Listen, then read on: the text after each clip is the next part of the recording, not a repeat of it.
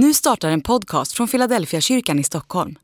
Om du vill komma i kontakt med oss, skriv gärna ett mejl till hejfiladelfiakyrkan.se. Dag 147. Att överlämna sin ande. Det var nu kring sjätte timmen. Då blev det mörkt över hela jorden ända till nionde timmen. Det var solen som förmörkades. Förhänget i templet brast mitt i tu. Och Jesus ropade med hög röst. Fader, i dina händer lämnar jag min ande.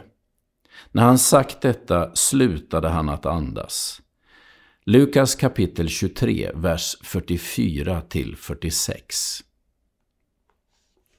Jag brukar ofta be samma bön som Jesus bad på korset innan jag somnar. Fader, i dina händer lämnar jag min ande. Jag vet ju inte om jag kommer att vakna. Jag brukar tänka att vare sig jag får leva eller dö, så vilar jag i Guds händer. Samma sak har jag gjort på en och annan flygtur. För några år sedan flög jag mellan Oslo och Stockholm när vi råkade in i mycket starka vindar. Om jag minns rätt sa kapten att det blåste orkanstyrka. Där, där jag satt tänkte jag att det var kört. Planet skakade och hoppade som ett löv i stormen. Under några minuter trodde jag att vi skulle störta. Jag har varit med om turbulens många gånger men ingenting som liknade detta. Jag kan fortfarande minnas hur jag knep om armstöden så att knogarna vitnade samtidigt som jag bad med Jesus. Fader, i dina händer lämnar jag min ande. Men jag kom ner och hoppas att få leva några år till. Det finns ett uttryck i kristen andlighet som kallas överlåtelse.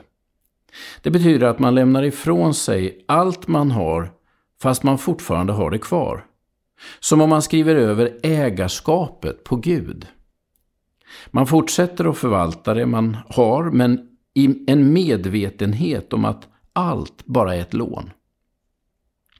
Att leva i ständig överlåtelse är en riktigt bra verklighetsterapi.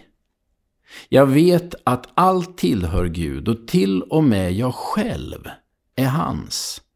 Döden är inte den slutliga förlusten, utan den slutliga överlåtelsen.